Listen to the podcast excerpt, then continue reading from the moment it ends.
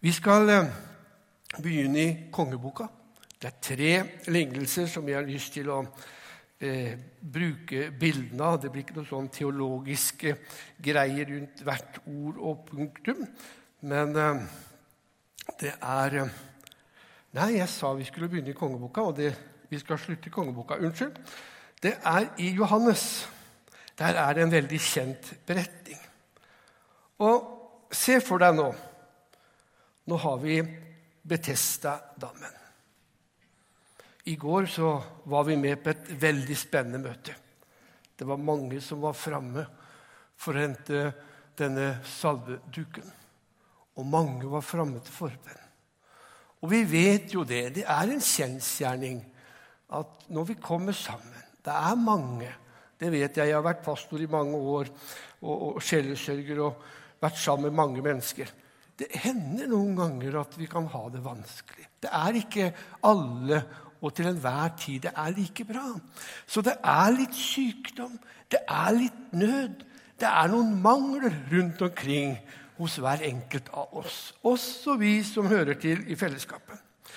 Rundt denne dammen der lå det mange mennesker. Altså, De hadde den ene anledningen, og det var jo hver gang det kom en engel og rørte opp vannet. Da var den ene som var rask nok, han var ute i dammen, og han blei helbredet. Og det var jo til den dammen Jesus kom. Og nå skal vi høre. Det står om en engel da som steg ned i vannet, i dammen, og, og virvlet den opp og rørte opp vannet. Den som da kom først uti, etter at vannet var opprørt, ble frisk. Hvilken sykdom han enn hadde. Det var en mann der som hadde hatt en sykdom i 38 år. Om han hadde lagt der hele tiden, står det ingenting om. Men da Jesus så han ligge der og visste at han allerede hadde slitt en lang tid, sier han til ham, 'Vil du bli frisk?' Ja, det var jo et merkelig spørsmål, men Jesus stilte det. Det var nok for at mannen skulle våkne. Den syke mannen svarte ham, 'Herre, jeg har ikke et menneske som kan få meg ute i dammen når vannet blir opprørt.' Altså, jeg har ingen rundt meg som kan få meg opp i dammen når vannet blir opprørt. Mens jeg er på vei, går en annen uti før meg. Jesus sier til ham, 'Reis deg, ta opp sengen din og gå.' Jeg har ingen mennesker til å hjelpe meg når vannet blir opprørt. Jeg har lyst til å være litt personlig. I slutten av mai Jeg hadde stor forventning og gledet meg, for det var jo bestemt i april at jeg skulle jeg var glad jeg skulle slutte i Kontaktkaffe på Moss. Nei da. Jeg var jo bestyrer der. Og så ble jeg spurt om jeg kunne jobbe som eh, lærer på bibel- og friluftsgruppa. Veldig spennende. Jeg gledet meg. Fikk en kirurg, for jeg hadde en skade i skuldra, til å operere meg tidlig i mai for å bli frisk nok til å padle og elte med den gjengen når vi kom til august. Og operert ble jeg. Men i slutten av mai var jeg uheldig. Jeg datt hjemme i hagen. Jeg slo meg kraftig, jeg hadde vondt. Og jeg gikk med smerten to-tre dager. Jeg var innom legen til kontroll på skuldra og fortalte at jeg hadde vondt. Han spurte meg om jeg hadde svima og, og vært litt borte. og sånn. Nei, jeg hadde ikke det. Jeg hadde veldig vondt. Søndag, fem dager etterpå, så satt jeg hjemme i stua og fortalte en av guttene historier. Og han skjønte at nå er det noe galt med Bjørn. Ringte Ingelill, kona, og jeg ble kjørt på sykehuset. Kraniet var brudd, stort blodkar som presset på hjernen. Og det var veldig alvorlig. Det var snakk om operasjon. Det ble litt sånn fram og tilbake. Men eh, enden på visa var at jeg ble liggende med sterke tabletter i over åtte uker med store smerter da i hodet. Og så var det da Bibel og friluft. Og jeg som hadde gleda meg sånn. Jeg gikk hjemme i hagen. Tre flotte fuglehunder som ventet på å bli trena. Syntes synd på kona som ja, blei sittende for det meste og strikke under ferien når vi skulle gjøre andre ting. Jeg syntes alt gikk i stykker. Og så var det Bibel- og friluftsgruppa. da. Legen anbefalte meg å kutte ut alt sammen over lang tid og bare ta det helt med ro. Og så sier Inger Lill, kona mi, kan ikke du reise deg opp og se hvem som er kona mi? Ja, det er kona mi. ja. Hun sier vi får ta oss en tur på Østerbo-stevne. Jeg hadde ikke så ille mye lyst, for eh, jeg var jo liksom ikke i vateret, som jeg pleier å si da. Men så blei vi enige. Vi tar en tur på Evangelsenteret. En onsdag formiddag kjørte vi inn på parkeringsplassen. Og det tok ikke mer enn et minutt. Så traff jeg en av guttene. 'Hei, Bjørn! Åssen går det med deg?' Og vi har bedt for deg, og vi har hørt om dette her. Og han viste en sånn enorm omsorg rundt dette her. vet du. Jo da, jeg, jeg kunne liksom ikke si at jeg hadde bestemt meg for å ikke komme tilbake, så jeg liksom holdt litt igjen det der. da. Og så gikk jeg et lite stykke til, og så kom en av jentene. 'Her er vi, og jeg fikk en god klem òg, vet du. Åssen går det med deg? Ja, jo da, vi får se. Vi, det går nok bra. Men innerst inne så kjente jeg nei, du er nok ikke i jobb, du, Bjørn, når den tid kommer. Og så møtte jeg flere gutter og jenter. Her gikk jeg altså, pastoren, som hadde vært pastor i mange menigheter hatt mange opplevelser, bedt til Gud med masse mennesker, hatt flott vekst i mange menigheter. Her gikk pastoren. Og så kom den ene gutten etter den andre som var på evangelsenteret for å få hjelp. Kom bort, Bjørn. Åssen er det med deg? Jo da, jeg syns faktisk det hjalp. Og de holdt på å oppmuntre og skrøt av meg vet du, og gjorde et veldig nummer ut av meg den dagen. Og når vi reiser hjem på kvelden, så sier Ingrid jeg er sikker på det, sier hun, at du er i jobb når den tid kommer. Og neste morgen hadde jeg tenkt å ringe til Kjetil og si at du, jeg, For jeg hadde jo sagt han at jeg ikke kom tilbake. Det var liksom bare han som visste det. Og neste dag hadde jeg tenkt å ringe til Kjetil og si at du, jeg er tilbake. Men så tenkte jeg ikke gjøre det. For han tenker antagelig bare at det er jo, han er jo skada. Han er jo litt skade her oppe. Og, og, og, litt er jeg jo fra før av òg, for dere som kjenner meg. da. Så jeg tenkte drøy noen dager, så gikk han bare og, og, det gjorde jeg. Jeg greide å vente helt til mandagen. Og da ringte jeg. Og så sa jeg, 'Kjetil, jeg tror jeg skal begynne.' Jeg kjente det blei en oppdrift i livet mitt. Jeg møtte mennesker som fortalte at de var glad i meg, og som venta på meg. Tenk, det var noen som savna meg, og så var det noen som venta på meg. Gutter og jenter i senteret som gledet seg til vi skulle på tur. Og jammen blei det tur!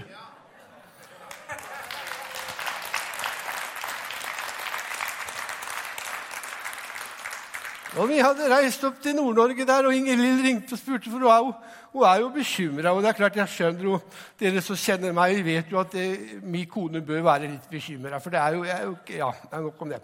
Men åssen går det, sa hun. Får hun noe hjelp? Hjelp, se!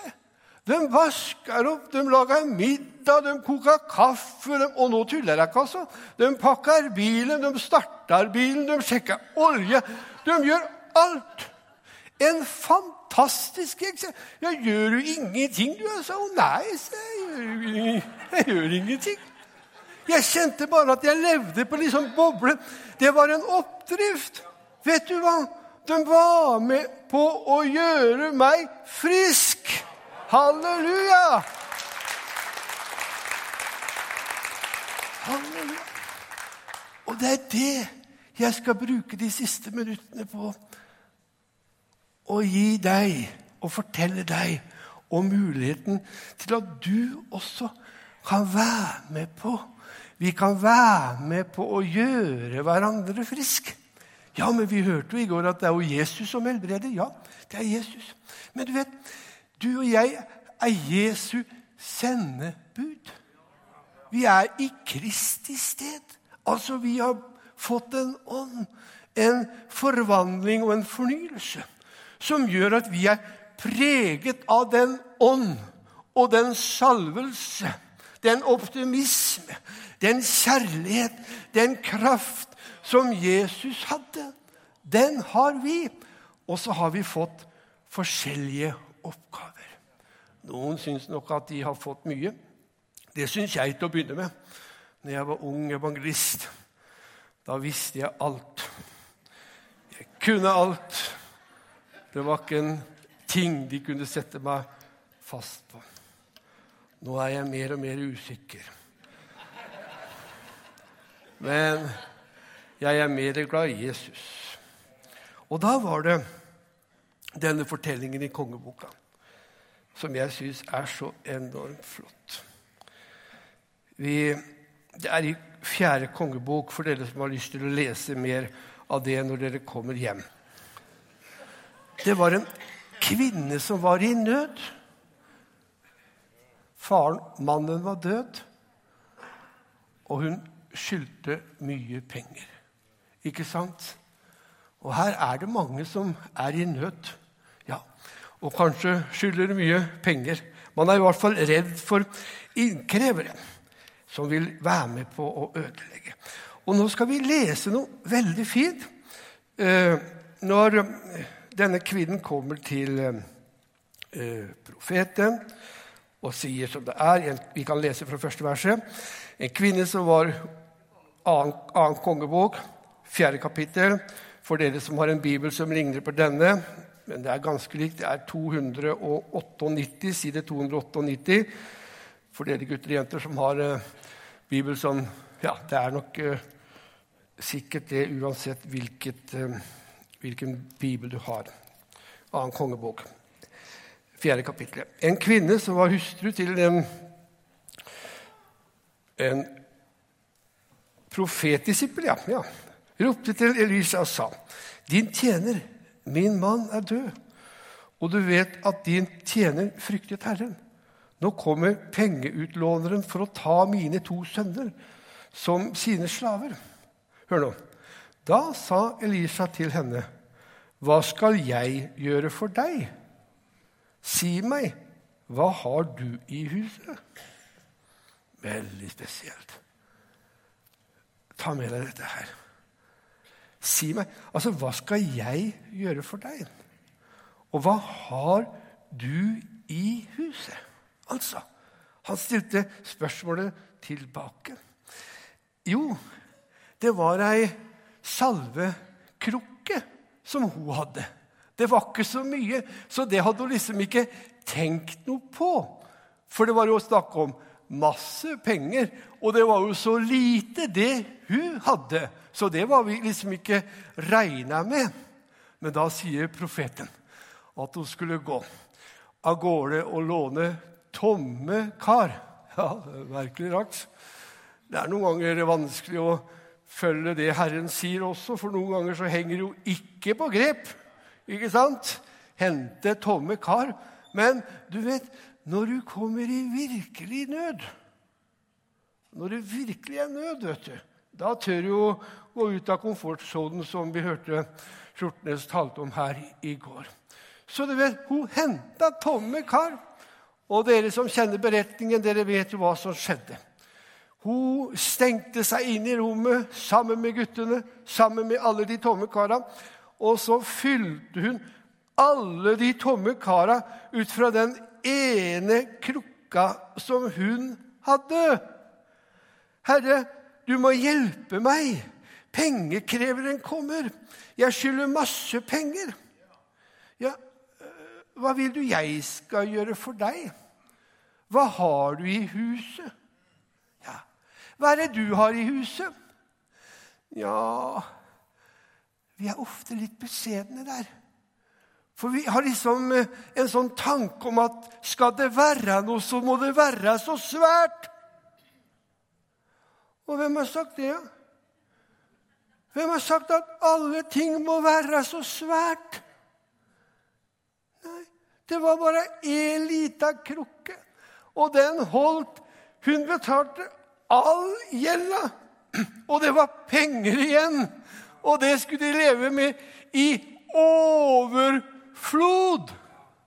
Halleluja! Tenk å gå fra ei lita krukke til båndløs gjeld og leve i overflod. Hva har du i huset? Venner, hva har vi i huset? Jeg pleier å si det er ikke så ille mer som det ser ut til. For du skjønner, du har noe i huset. Og så kunne jeg tenke meg at vi kunne liksom ta en sånn liten vareopptelling her i dag. da.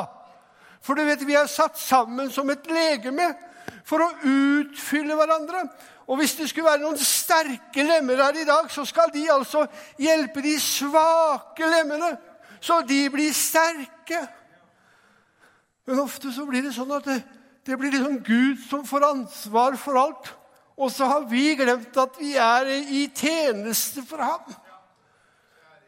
Det kan være du som skal være til velsignelse. Det var jo guttene og jentene som var med og helbredet meg med å være Jesus' sendebud. Ja, jeg så ikke Jesus bort på Østerbo den onsdagen. Men jeg så gutter og jenter som hadde møtt Jesus gutter og jenter som ennå ikke er ferdig restaurert og rehabilitert. Men de hadde karet. De hadde gaven. Og du skjønner, Vi tenker at liksom når jeg er fullkommen, så skal jeg Da kan du bare bli sittende der. Du kommer aldri til å bli fullkommen. Det er ikke mange av oss igjen. Det skal jeg si dere. Så istedenfor å streve efter å bli fullkommen Kanskje det er mer vi strever med å bruke og ikke minst oppmuntre hverandre til å bruke det karet og den tjenesten Gud har gitt oss. For da kan vi være med på å flytte fjell. Tenk det. Du, For du skjønner, når jeg ser Jostein synger og spretter rundt her og er salig og blid jeg går ikke inn i noen sånn slags depresjon, jeg, da. Ikke får jeg vondt i ryggen heller. Nei, for du skjønner det, jeg blir jo glad. Og du vet det, glad hjerte, hva gjør det? Det gir legedom. Det er ikke jeg som sier det. Det er Guds ord. Det gir legedom. Så da kjenner jo jeg bare det at han er med og velsigner meg. Og jeg har vært operert noen ganger i ryggen. jeg. Det kan jo ikke dere se, da, med den smidige kroppen. Men nok om det. Da kjenner jeg ingenting. Det var jo et par damer der som heia på Strømsgodset. Kan ikke jeg skjønne på hvorfor de heia på dem, men det er en annen ting. For jeg, nå tør ikke jeg si at jeg heia på Fredrikstad, for det har jo gått ille gærent. Men jeg har en søster som er helt vill etter fotball. Hun er på alle kamper som fins. Og det er kun to timer i løpet av den ene uka som hun er helt smertefri i ryggen. Og det er når hun er på fotballkamp. For du skjønner, hun har satt seg på heiagjengen, og der synger hun og heier flagg og roper og synger. Hun er helt smertefri. De synger 'Seieren er vår, seieren er vår'. Ikke sant? Helt smertefri. Du vet, Hadde hun satt seg borte på gubbetribunen Det er en sånn gubbetribun. Det er på alle stadioner. vet du. Der sitter gubbene, vet du. Som kan alt, men aldri har sperka på ei pløse. De, de klager selv om de vinner. Og du vet, der hadde ikke hun blitt god i ryggen. Der hadde hun antagelig fått stiv nakke også. Du skjønner, det er noe i dette. Dette fellesskapet. Tenk at jeg er venner som er glad i meg, og som oppmuntrer meg. Det helbreder mitt legeme. Det forvandler mitt sinn. Det gir meg optimisme. Og du vet, alt dette her, det gjør jo noe med kroppen. Herren har lagt ned helbredelse midt i menigheten, midt i forsamlingen. Der ligger alt det vi trenger til. Derfor er det så viktig at vi er med Det var snakk om å heie. Det er et ord jeg har brukt i lang tid. Heie på hverandre. Det syns jeg er ille bra. Og jeg bruker bildet når jeg var guttunge og gikk på ski. Jeg var så sliten. Jeg kom på bakken nær skolen, så jeg var nær døden-opplevelse flere ganger på den siste betaen. Men nede i skolegården der sto det en heiagjeng. Og når de begynte å heie, så kjente jeg at jeg fikk ny styrke. Og det var jo den etappen jeg gikk raskest. Det var der det var heiagjeng. Glemte nesten å puste. Men det gjorde ingenting, for der var det noen som heia på meg. Og når vi tenker på Jesus, ta Jesus som eksempel når han går her nede, så var det jo for å skape liv, optimisme. Han talte om kjærlighet. Han visste raushet. Der det var synd, der ga han tilgivelse. Men det var ingen god bakgård eller noen B-medlemmer, men alle fikk lov å være med. Og syndere og tollere holdt seg nært til Jesus, står det. Hvorfor det? Jo, fordi at han visste raushet. Han talte til kvinnen, han sa alt som hadde skjedd. Han gjemte ingenting unna. Men med en ånd, med en atmosfære som skapte liv og håp. Og venner, dette er evangelsenteret. Og Det er derfor du kunne lese i Dagen for tre dager siden at 98 sto det, av de som var på senteret, var begeistret for det de fikk oppleve. Hvorfor? Jo, fordi man tar vare på hverandre. Og så kan vi få lov å være med alle sammen da, vet du. Selv klokka får være med. Og så sitter du her. Nå går vi mot landing. Nå ser vi flyet hvor Ludvig er bak på halen. Og så er hjula på vei ned, og nå skal vi snart lande. Men så sitter du her, da. Tenk å se på den der friske, unge, spreke gutten som står der oppe og spretter og er så intelligent og flott på alle måter. Og tenker du ja, det har bare vært sånn, ikke sant? men du føler deg litt elendig. Liksom ikke, ting er ikke helt bra heller. Men du skjønner, det gjør ingenting. det skjønner du. For Hvis du bare slipper løs det som er inni deg, så kan det være det skjer noe med det som kan være vanskelig. Jeg har fortalt før om, om bestemora mi, og jeg kjenner jeg må bare gjøre det. For det kan være her at du sitter der og har noen av de plagene hun hadde. Du skjønner, Bestemora mi elska å plukke tyttebær. Dette har jeg fortalt til guttene og jentene i gruppa. Men hun hadde noen problemer.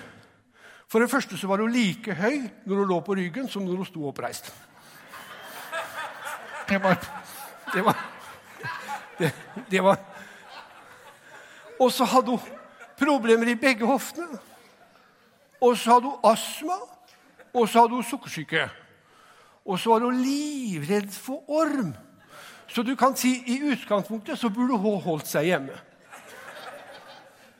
Men hun elska å plukke tyttebær. Og så tenker jeg, Er det noe du elsker som du har slutta med? Hør nå. Og vi ungene vi blei jo med og bestemor. vet du. Vi spreke unge, vi var tenåringer, da. Var med bestemor, vet du. Og vi hadde alltid kontroll på hvor hun var. For i den tida så hadde man astmasigaretter. Da fikk man det på apoteket. Det var, da røyka man for å få opp slimet. Så vi hørte jo bestemor hoste litt på forskjellige områder. da, vet du. For du kan si Vi ungene, vet du Når vi plukka bær, så fant vi ei svært hue. Og Så tok vi noen få bær, og så sprang vi for å finne mer. Og når vi hadde funnet mer, så sprang vi for å finne mer. Og, og, og, så tok vi noen få bær. Men du vet, hun bestemor som hadde astma og sukkersyke som var like høy når lå som hun satt eller sto. ikke sant? Hun slo ned stolen, og så satt hun seg og plukka bær. Hun plukka opp alt av det hun hadde rundt seg. Og når vi skulle hjem om kvelden, så måtte vi bære bøttene til bestemor. For de var fulle. Men du skjønner, vi hadde bare sprunget rundt for å finne mer. Og det er en uting. Og det tror jeg mange av oss som er her, også er prega Vi flyr rundt omkring for å finne mer. Er du skam med deg når ikke du bruker det du har? Gud har jo gitt deg en tjeneste. Gud har gitt deg en gave. Og tenk, venner, når vi som Guds forsamling kunne få løse alt dette her Halleluja! Ja, da skulle vi kunne flytte fjell. Og da kan jeg være til oppmuntring for deg. Og så er du til oppmuntring for meg. Nå begynner hjertet til Reidar å slå litt ekstra hardt, ser jeg. For nå Jeg er glad for at jeg en gang blei frelst. Og Herren har bevart meg. Jeg kan stå her frelst og lykkelig, og det er ikke min fortjeneste. Herren har vært nådig. Han har reist meg opp når det har vært ting som har vært vanskelig. Og jeg har tenkt at han ikke ville ha noe mer med meg å gjøre. Så er det jeg som har snudd ryggen. Men da har han kommet rundt og vist seg fra den siden. Venner, tenk om vi kunne tjene Herren med det vi hadde. Ikke det vi kunne tenke oss å ha med det vi har. Og på den måten så tror jeg, og jeg tror det når det gjelder vår gruppe, Bibel og frilufts, så tror jeg med det å heie, med å velsigne, gi hverandre kjærlighet fra Jesus, så tror jeg at hele gjengen vil bli forvandlet og lekt. Venner, la Jesu ånd få bo iblant oss. Vi reiser oss opp. Jostein, du finner gitaren. Og så har jeg lyst til be en felles venn for alle som kjenner på her i dag at de har lyst til å være til oppmuntring for andre. Halleluja. Ja, vi kan ikke be om det, vel? Kan vi begynne? Noe av den sterkeste kraften som fins ut fra evangeliene. Når Jesus kom, så samlet folket seg. Fordi det var en atmosfæren ånd, som forvandlet mennesker. Og jeg skulle ønske vi kunne få enda flere lagspillere. Har du lyst til å være med og tjene? Har du lyst til å velsigne? Har du lyst til å være en av de som skryter? Ikke gubbetribun, men heiatribun. Jeg har lyst til å invitere deg fram som lengter etter helbredelse, som lengter etter en opptur, en ny kraft, nye visjoner. Ham så skal vi være med og be og velsigne og oppmuntre hverandre. Og så kan denne dagen bli forvandlet. Da husker vi ikke Beitostølen bare for den flotte laksen. Men da husker vi ham fordi Herren har fått møte meg. Kom i Jesu navn, og det er flere som vil være med og be for deg.